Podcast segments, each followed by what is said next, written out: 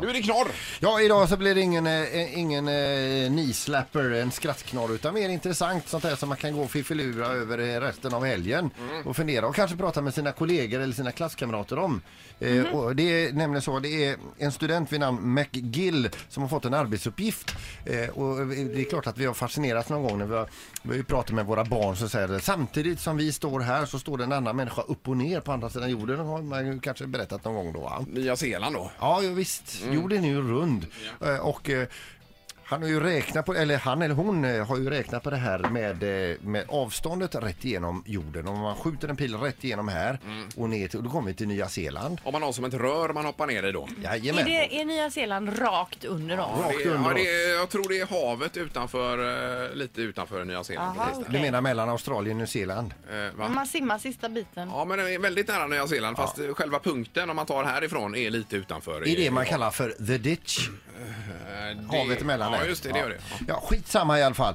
Eh, Denna studenten har räknat på om man nu skulle eh, ta eh, be- hänsyn till gravitation och, eh, och, så, och så vidare och vad det skulle t- ta i tid för en människa att falla ifrån, låt säga då ett café i, någonstans i Nya Zeeland och dyka upp eh, p- på Fröken Olssons café på Östra Larmgatan här. Mm. Ja. Eh, Då tar det alltså 38 minuter om man hoppar ner i det röret och så hör man bara och så åker man ner va? Och då ökar ju gravitationen in mot jordens kärna ifrån, eh, b- till, till 13 gånger hastigheten. Jag tror det var, ja. Så det blir ju en jädra acceleration. Och vi hade framme alla möjliga eh, miniräknare och grejer i Sandholt och jag tidigare i morse. Och försökte- räknade fel men vi Ja, vi kommer... räknade fel, men, men eh, vi kom ändå rätt på det sen igen. Ja, det gjorde vi. Eh, Ja. Vi räknar räknar ju med den- den vanliga atmosfären här och då faller man ju alltså en kilometer på 20 sekunder. Mm. Eh, Och vi satt ju där. Och man faller väl ungefär i 220 kilometer i timmen om man faller fritt ifrån eh, ett flygplan eller så då. Men här går det fortare. Ja, det gör ju det. I och med att man ökar farten in mot eh, kärnan. Mm. Man bränner röven när man är längst inne och sen swishar man ut eh, mot eh, Göteborg och Fröken Olssons café på Östra Lammgatan och där Ja, tar det tar man stopp en då. latte där. Och då har det tagit 38 minuter. Ja, det är ju helt otroligt. Visst är det spännande, Linda?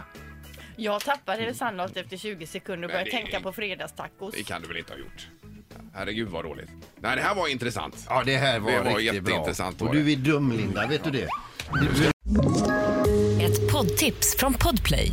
I fallen jag aldrig glömmer djupdyker Hasse Aro i arbetet bakom några av Sveriges mest uppseendeväckande brottsutredningar. Går vi in med hemlig telefonavlyssning och, och då upplever vi att vi får en total förändring av hans beteende. Vad är det som händer nu? Vem är det som läcker?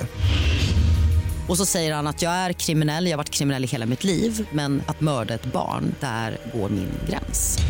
Nya säsongen av Fallen jag aldrig glömmer på Podplay.